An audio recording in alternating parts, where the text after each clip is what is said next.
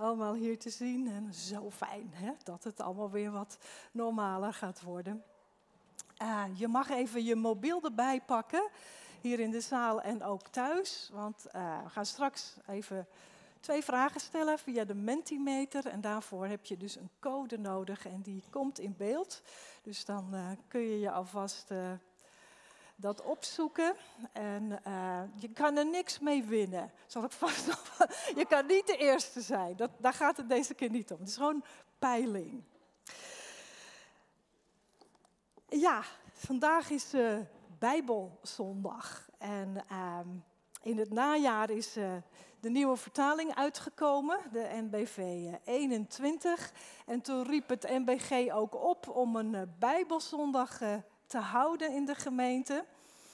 En eh, om de Bijbel centraal te stellen, in het licht te brengen. Nou, dus dat hebben we toen uh, niet gedaan. En toen dacht ik, nou, dat, dat vind ik toch wel echt een hele goede oproep. Dus vandaag is Bijbelzondag bij ons. De betekenis van de Bijbel vieren. Nou, dat de Bijbel belangrijk is voor mensen die geloven, dat zal iedereen meteen beamen. Maar de volgende vraag is, maar waar blijkt dat dan uit? Waar blijkt het nou uit dat wij de Bijbel belangrijk vinden? En wat vinden we dan belangrijk? Nou, daar is ook best onderzoek naar gedaan. En ik heb hier een, uh, een boek, een verantwoord Bijbelgebruik. Dat is, een boek wat mensen wil helpen bij het Bijbellezen en het ook begrijpen. Nou, hij heeft, het is van John Boekhout. En hij heeft ook een onderzoek gedaan. En het is alweer even van een aantal jaren geleden hoor, de jaren tachtig. Hij had een enquêteonderzoek gedaan eh, onder eh, 300 mensen die ergens eh, bezoek waren, braderienbezoek, 300 mensen. Die had hij allemaal dezelfde vraag gesteld, twee vragen.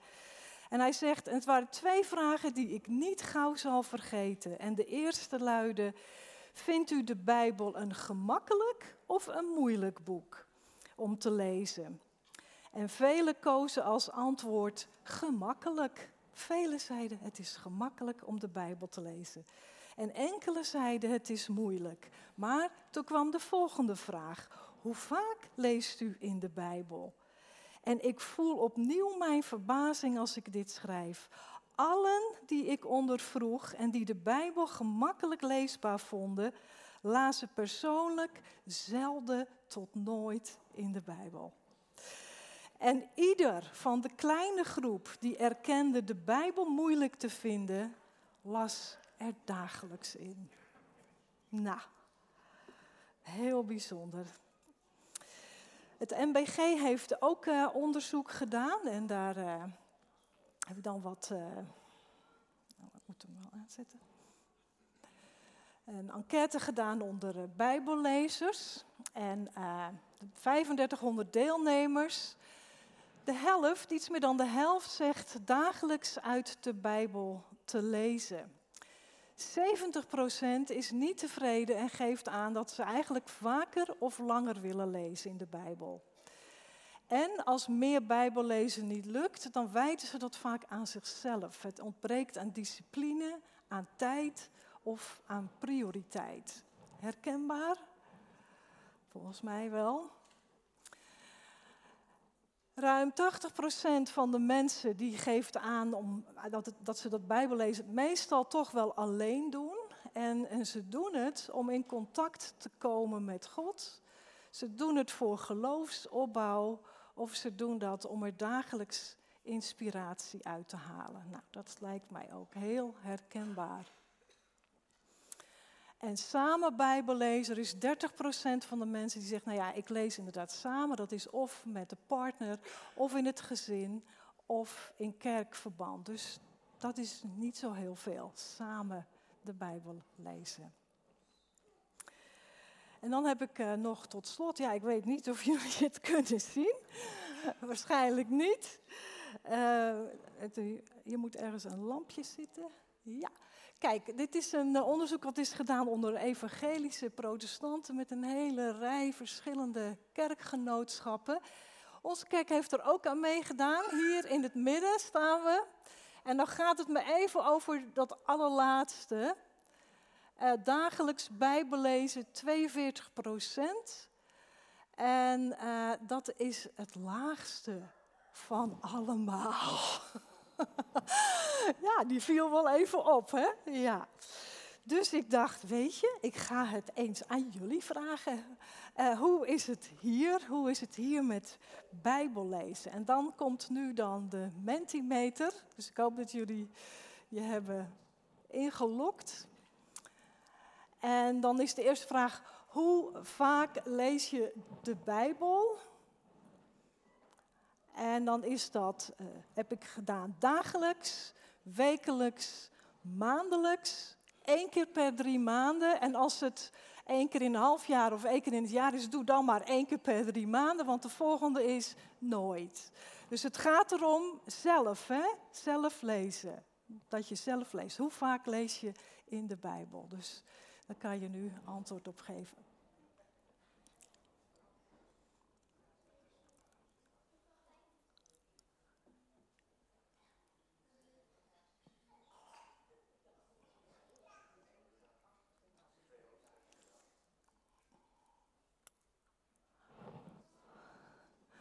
Ik weet niet of het, iedereen het heeft ingevuld. Denk het wel. Dat ziet er best wel goed uit, toch?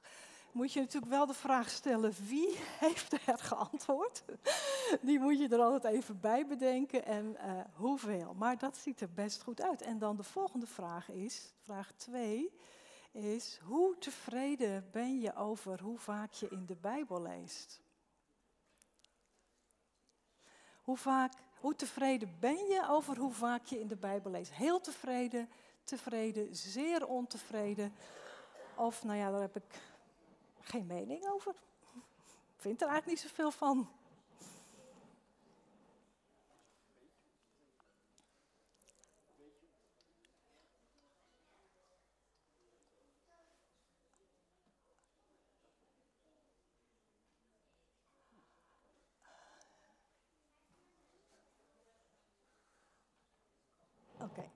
Hij is weg. nou, tevreden en zeer ontevreden, die, uh, die uh, zitten bij elkaar. Hè? Ja. ja, er zijn best, het wisselt nog even, maar. Nou, er zijn dus best een aantal mensen die er best heel tevreden over zijn, een aantal niet. Dus uh, dat kan ik mij ook gewoon heel erg goed voorstellen. Nou, gewoon eventjes om een idee te geven hè, wat, er, wat er zo al leeft en hoe we, hoe we dat zien, hoe vaak we in de Bijbel lezen. En ja, hoe doen we dat eigenlijk? Hoe kijken we daarnaar? Ik uh, wil graag een verhaal uit de Bijbel gaan lezen. En ik vraag me even af of het voor de ouders handig is als de kinderen nu naar de crash gaan? Ja, kinderen mogen nu naar de crash of naar de zonderschool.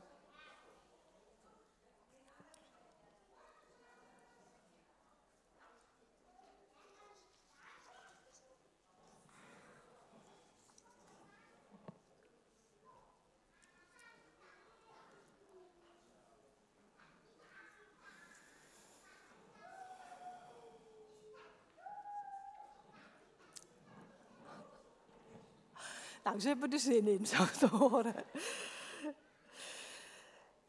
Ik ga een verhaal lezen uit uh, het boek uh, Nehemia. En uh, ik, ik, heb het niet op de PowerPoint, dus luister mee. Of je kan ook meelezen natuurlijk als je je Bijbel bij je hebt. Het is Nehemia 7, het allerlaatste vers 72. En dan hoofdstuk 8 tot en met vers 12. En um, Even kijken, de volgende. Nou, geeft niet. Het volk Israël die was in ballingschap gevoerd naar uh, Babylonië. Daar zijn ze 70 jaar lang geweest. En dan keert een deel weer terug. Dat is in de zesde eeuw voor Christus. Maar het land ligt in puin. Hè. Jeruzalem, de stad, ligt in puin. De muren liggen in puin. De, de stadspoorten die zijn verbrand. En, en om die reden is het, is het volk wat is teruggekomen het mikpunt van spot van de buurlanden. En Nehemia heeft een hele belangrijke positie aan het hof van de Perzen. En die hoort ervan en die trekt zich dat lot aan en die wil ze helpen de, de stad weer op te bouwen. En onder zijn kundige leiding herstellen ze dan de stadsmuur. Dan is dat gelukt, ze hebben het opgebouwd. En dan komt er een moment dat ze zich als volk verzamelen. En, en dat is op een plein, dus stel je niet voor hè, een echt een heel groot volk, maar het is een kleine groep gebleven. Waarschijnlijk wat er gebeurt is uh, wat daar staat in uh, Leviticus 23, dat ze de opdracht hebben gekregen om de eerste dag van de zevende maand, dat moet een heilige dag zijn, een rustdag, die samen gevierd moet worden. Dat is waarschijnlijk wat zij dan aan het doen zijn. En dan beginnen we te lezen. Aan het begin van de zevende maand, toen de Israëlieten zich in hun steden hadden gevestigd, verzamelde het voltallige volk zich op het plein voor de waterpoort. En men vroeg Ezra, de schrijver, het boek te halen met de wet van Mozes, de wet die de Heer aan Israël had opgelegd.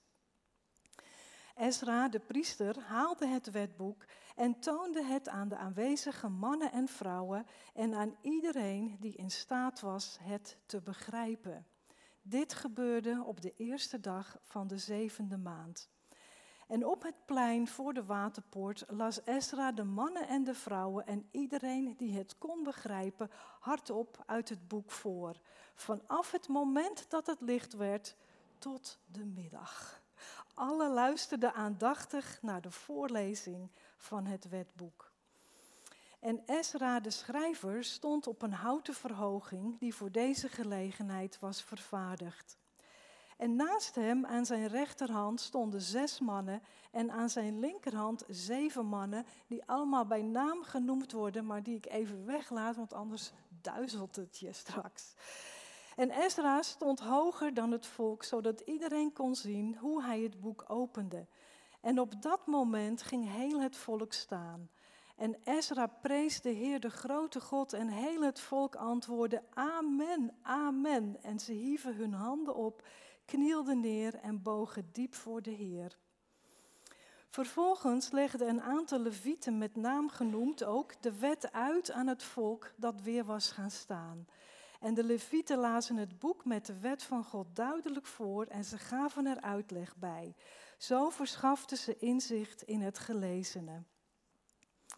Nehemia, hij was de landvoogd, en Ezra, de priester en de schrijver, en de levieten die het volk uitleg gaven, zeiden, iedereen, zeiden tegen iedereen, deze dag is gewijd aan de Heer uw God, rouw dus niet en huil niet. Want het hele volk was namelijk in tranen uitgebarsten toen ze de woorden van de wet hoorden. Ezra zei tegen hen: Maak een feestmaal klaar met lekker eten en drinken en deel ervan uit aan wie niets heeft, want deze dag is gewijd aan onze Heer. Wees niet bedroefd, want de vreugde die de Heer u geeft is uw kracht. En de levieten maanden het volk tot stilte en ze zeiden, wees stil, wees stil, want dit is een heilige dag. Wees dus niet bedroefd. En toen ging iedereen eten en drinken. Ze deelden alles met elkaar en maakten er een groot en vrolijk feest van. Ze hadden het begrepen wat hun was verteld. Nou, dat ene vers, hè, dat springt eruit. De vreugde van de Heer, die de Heer u geeft, dat is uw kracht. En daarvan willen wij met elkaar gaan zingen.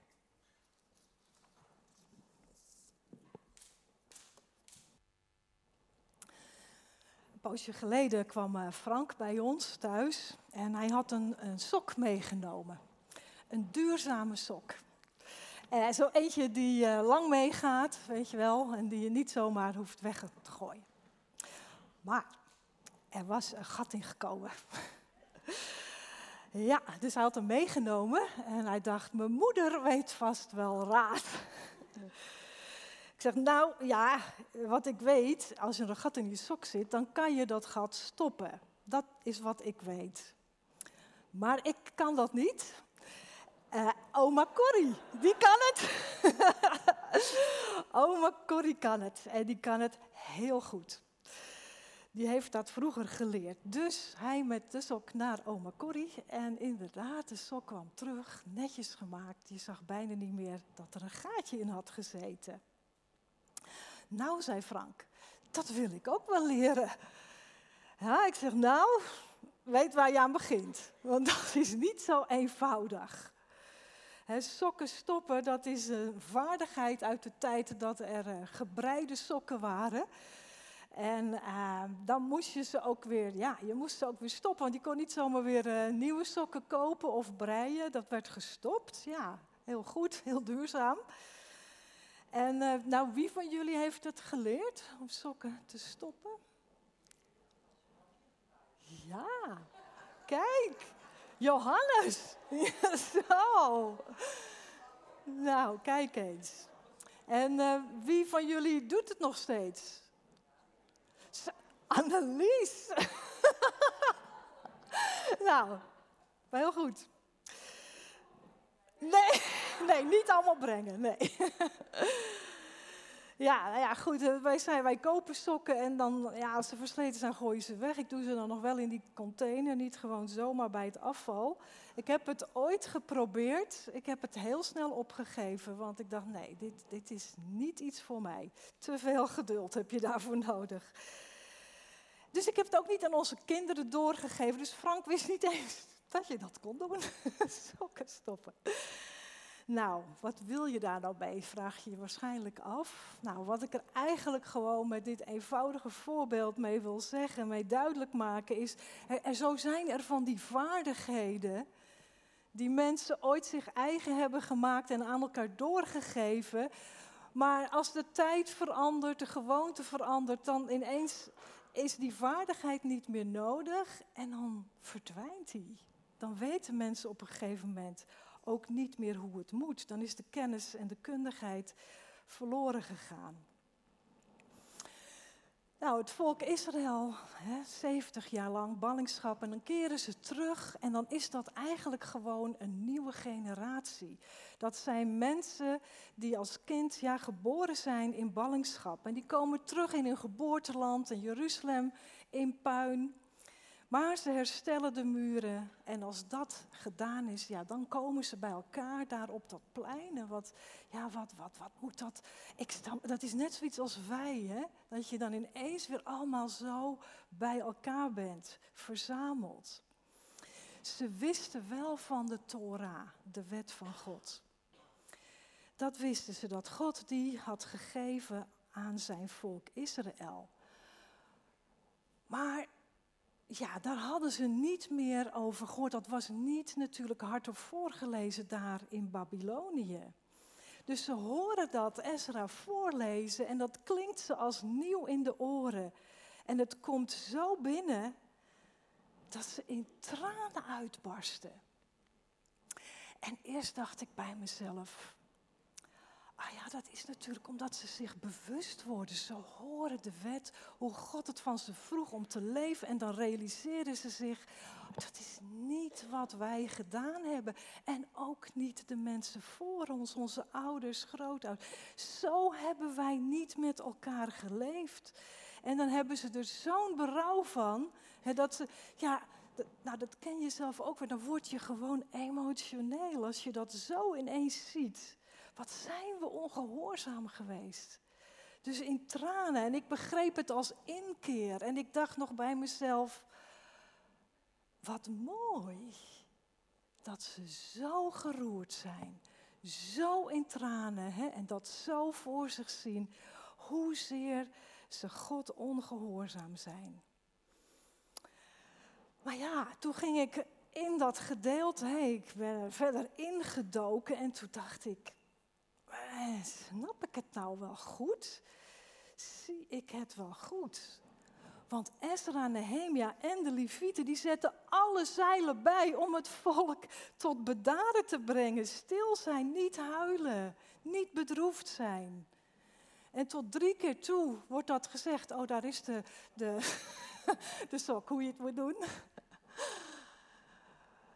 Vers 9, 10 en 11. Deze dag is gewijd aan de Heer uw God. Rouw dus niet en huil niet. En Esra zegt, wees niet bedroefd, want de vreugde die, de Heer u geeft is uw kracht.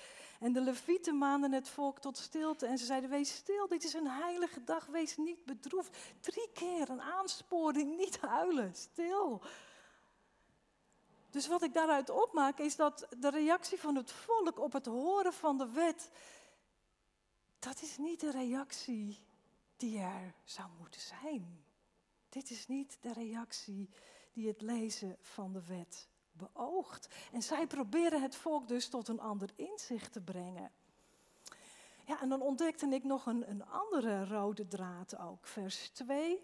De Ezra haalt het wetboek en toont het aan de aanwezige man en vrouw en aan iedereen die in staat was het te begrijpen. En dan meteen nog een keer. Hij leest het voor aan mannen en vrouwen en iedereen die het kon begrijpen. Twee keer wordt dat gezegd. Het wordt voorgelezen zodat ze het konden begrijpen. En dan ook nog. En de levieten lazen voor en ze gaven er uitleg bij. En zo verschaften ze inzicht in het gelezene. En Nehemia en Esther en de levieten die gaven het volk uitleg. Dus als het herhaald wordt is het belangrijk dan is het belangrijk. Twee keer. Er wordt uitleg gegeven en daarmee inzicht verschaft in wat werd voorgelezen. Om het te kunnen begrijpen. Dat was dus het doel. Niet alleen maar voorlezen, maar ze moesten het kunnen begrijpen. En vandaar even mijn voorbeeld met, met dat stoppen van sokken. Um, ze waren iets kwijtgeraakt. Ze waren de vaardigheid, de kundigheid kwijtgeraakt in de ballingschap. Bij het voorlezen van de wet wat het betekent. Hoe je het begrijpen moet. Ze hadden geen onderwijs gehad. Kennis verloren gegaan. Vaardigheid verloren gegaan. Om de wet van God te begrijpen. En ze luisteren naar alsof het nieuw voor ze is en ze weten er geen raad mee.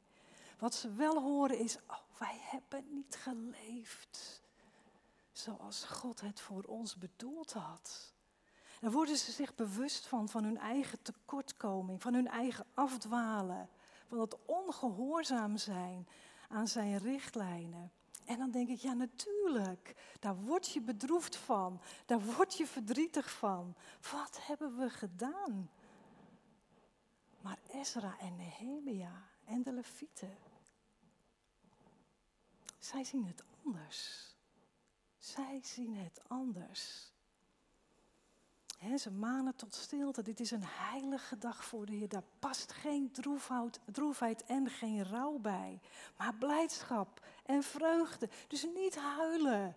Want de vreugde van de Heer is je kracht. Dat moet je blij en dankbaar maken om feest te vieren. Nou, dat gaan ze dan ook doen. Ze maken er een vrolijk feest van. En dan staat daar, ze hadden begrepen wat hun was verteld. En toen dacht ik, en wat hebben ze dan begrepen? Wat hebben ze dan begrepen? Ze waren niet in staat geweest de richtlijnen van de Heer te volgen. Nou, op zich een goed inzicht. Maar ze hadden nog een stapje verder moeten gaan. Want ze missen een heel belangrijk inzicht. Want God had zijn wet en zijn richtlijnen aan hen gegeven met een doel. Een heel erg mooi doel. Hij had zijn richtlijnen bedoeld om de weg te wijzen. Het zijn richtingwijzers die naar hem, niet naar mij, maar naar hem zelf wijzen. Richtingwijzers die naar God zelf wijzen. Want de Heer wil met hen in verbinding zijn. Daar is dat woord weer. Met hen in verbinding zijn. Hij wil dat er een band groeit tussen God en mensen. Hij wil dat er een gemeenschap ontstaat tussen God en mensen. Dat we, dat we met elkaar en met God verbonden zijn. Dat is het doel wat God voor ogen heeft met zijn richtlijnen. En God is God en geen mens. Dus ja, hij moet daar iets voor doen. Hij moet de weg banen zodat die verbinding ook tot stand kan komen. Dat die verbinding tussen God en mensen ook mogelijk is. En daarvoor had hij zijn richtlijnen gegeven. En hij zegt tegen ons, als jullie hiernaar leven, ja, dan kan ik met jullie in verbinding zijn. En jullie met mij. Ik ben heilig en zo moeten jullie ook heilig zijn.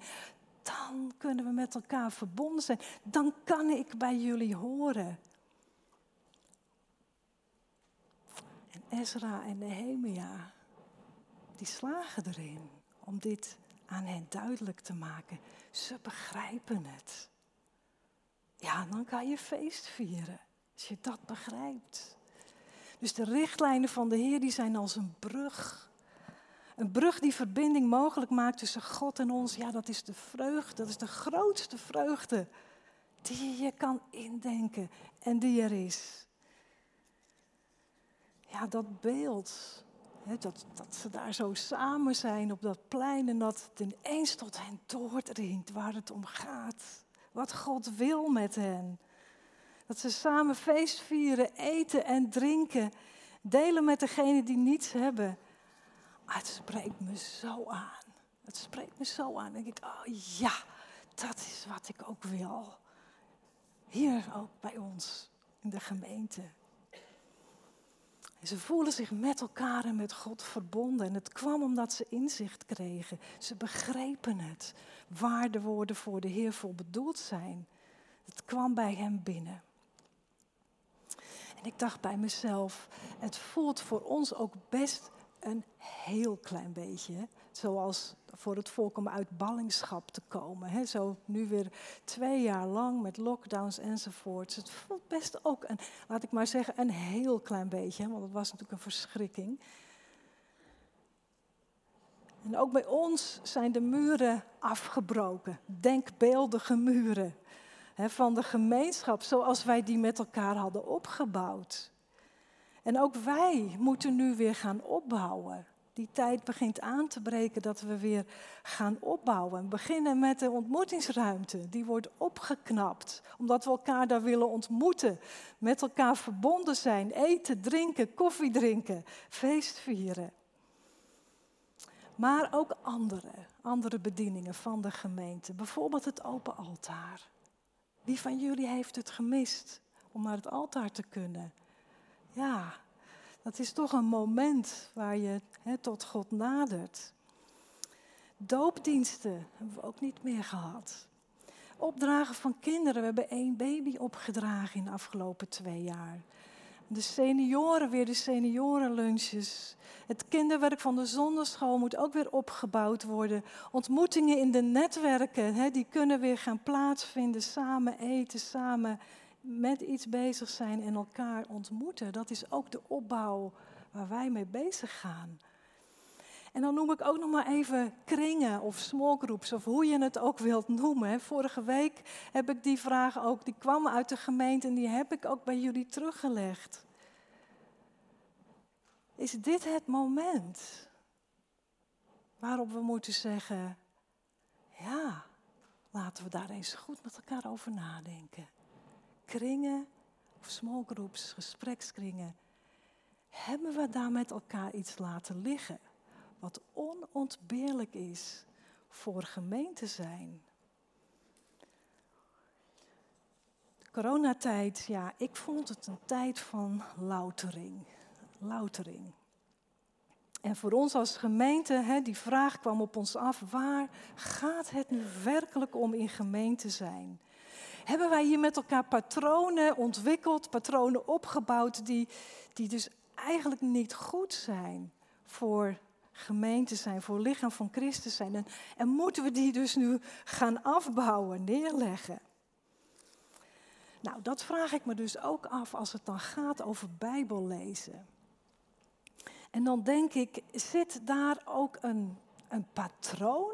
Zit daar iets in ons hoofd? En hoe we erover denken, hoe we er naar kijken? En is dat misschien ook een patroon wat we moeten loslaten? Heeft het, is er ergens iets wat ons hindert om het te doen en om het vol te houden en om het meer te doen dan we eigenlijk zouden willen. Want er zijn mensen ontevreden. Die zouden het dus graag anders willen. Bijbel lezen en, en, bidden, ja, dat is doorgaans, wordt het genoemd met één woord, hè, één begrip eigenlijk, stille tijd houden. Stille tijd. Ik, ik ging daar ineens over nadenken, stille tijd. Heeft te maken met, met stil worden, een tijd die je daarvoor inruimt op een dag. En toen dacht ik, maar, maar is dit, vraag me af hè, is dit iets wat komt uit een andere tijd, waar het leven niet zo snel was, niet zo gejaagd was, waar de agenda's minder vol waren, waar er minder verantwoordelijkheden waren. Komt het, vraag me gewoon af, is dit een idee, een begrip wat komt, wat zo genoemd is, uit een andere tijd dan waar wij nu in leven? Want ik denk bij mezelf, laten we daar gewoon maar eerlijk in zijn. Hoeveel van ons lukt het om op een dag, elke dag, echt tijd in te ruimen om stil te worden? Om geconcentreerd en gefocust te bidden, om Bijbel te lezen en het dan ook nog te begrijpen. Hoeveel van ons lukt dat? Want daar is tijd voor nodig, rust voor nodig, innerlijke rust. Dus ik dacht ineens, maar hoe zien wij dat? Hoe kijken we ernaar? Bijbel lezen, voor jezelf Bijbel lezen, dat is dus wat je doet in je stille tijd, jezelf, voor jezelf Bijbel lezen. Is, dat misschien hoe we ernaar kijken? Sommige mensen lukt het, hè? daar past het ook gewoon van nature bij, die kunnen dat. Ik geef eerlijk toe, ik niet. Ik niet. Ik heb het altijd moeilijk gevonden. En ik heb het ook begrepen als iets wat, ja, nou ja, dat, dat doe je. Dat hoort erbij als je christen bent en gelovig. Dan is dat wat je doet. Een soort van, toch, een soort van afvinken. Dit is wat ik doe. Omdat ik Jezus volg, dan moet ik Bijbel lezen. Dus dan is dus de vraag, maar zien we het als een activiteit die we moeten doen omdat het erbij hoort? Omdat God dat van mij verwacht, dat ik dit doe?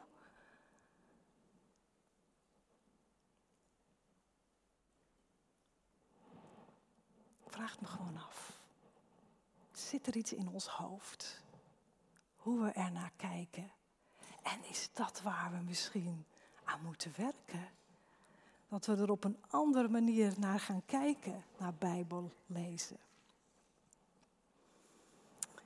En dan is er dus eerst een andere kijk nodig. En net zoals dat volk hè, van een andere kijk nodig had op het luisteren naar de wet, om het anders te horen. Ze hadden een andere kijk nodig. En toen ze die zagen, toen hoorden ze het ook anders. Toen kwam het anders bij ze binnen. Dus denk ik, ja, wat is dan onze kijk?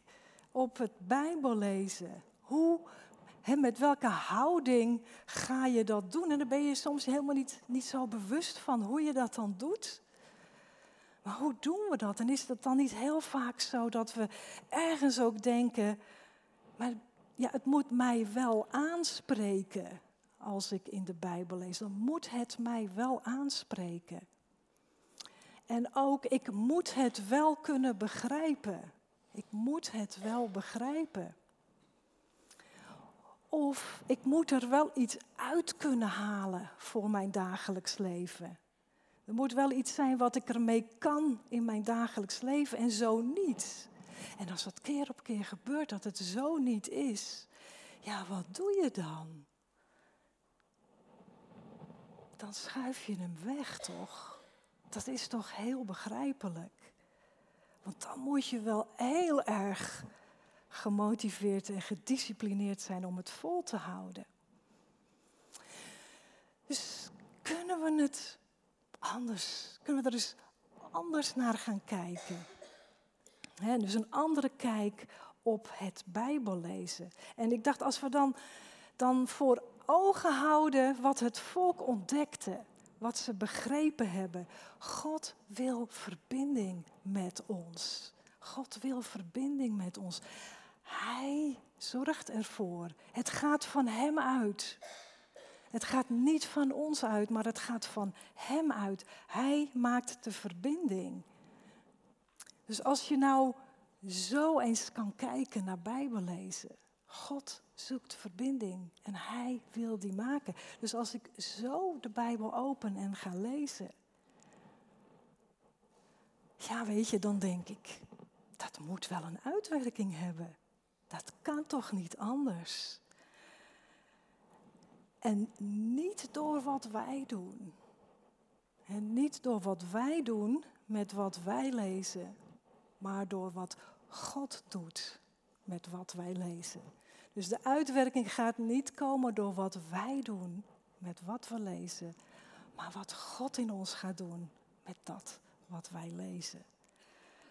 Want ik dacht, ja, we zeggen dat toch ook, het is Zijn woord, Zijn woord, het is van Hem. En wat van Hem is, daar gaat hij ook mee aan het werk. En hij weet het wat hij ermee moet doen. Als geen ander weet God heel goed wat hij ermee moet doen in ons leven. En hoe het uitwerking in ieders van ons leven krijgt. En dat is zo verschillend als dat wij allemaal verschillend zijn. Nou, ik dacht als we dat zo zouden kunnen doen.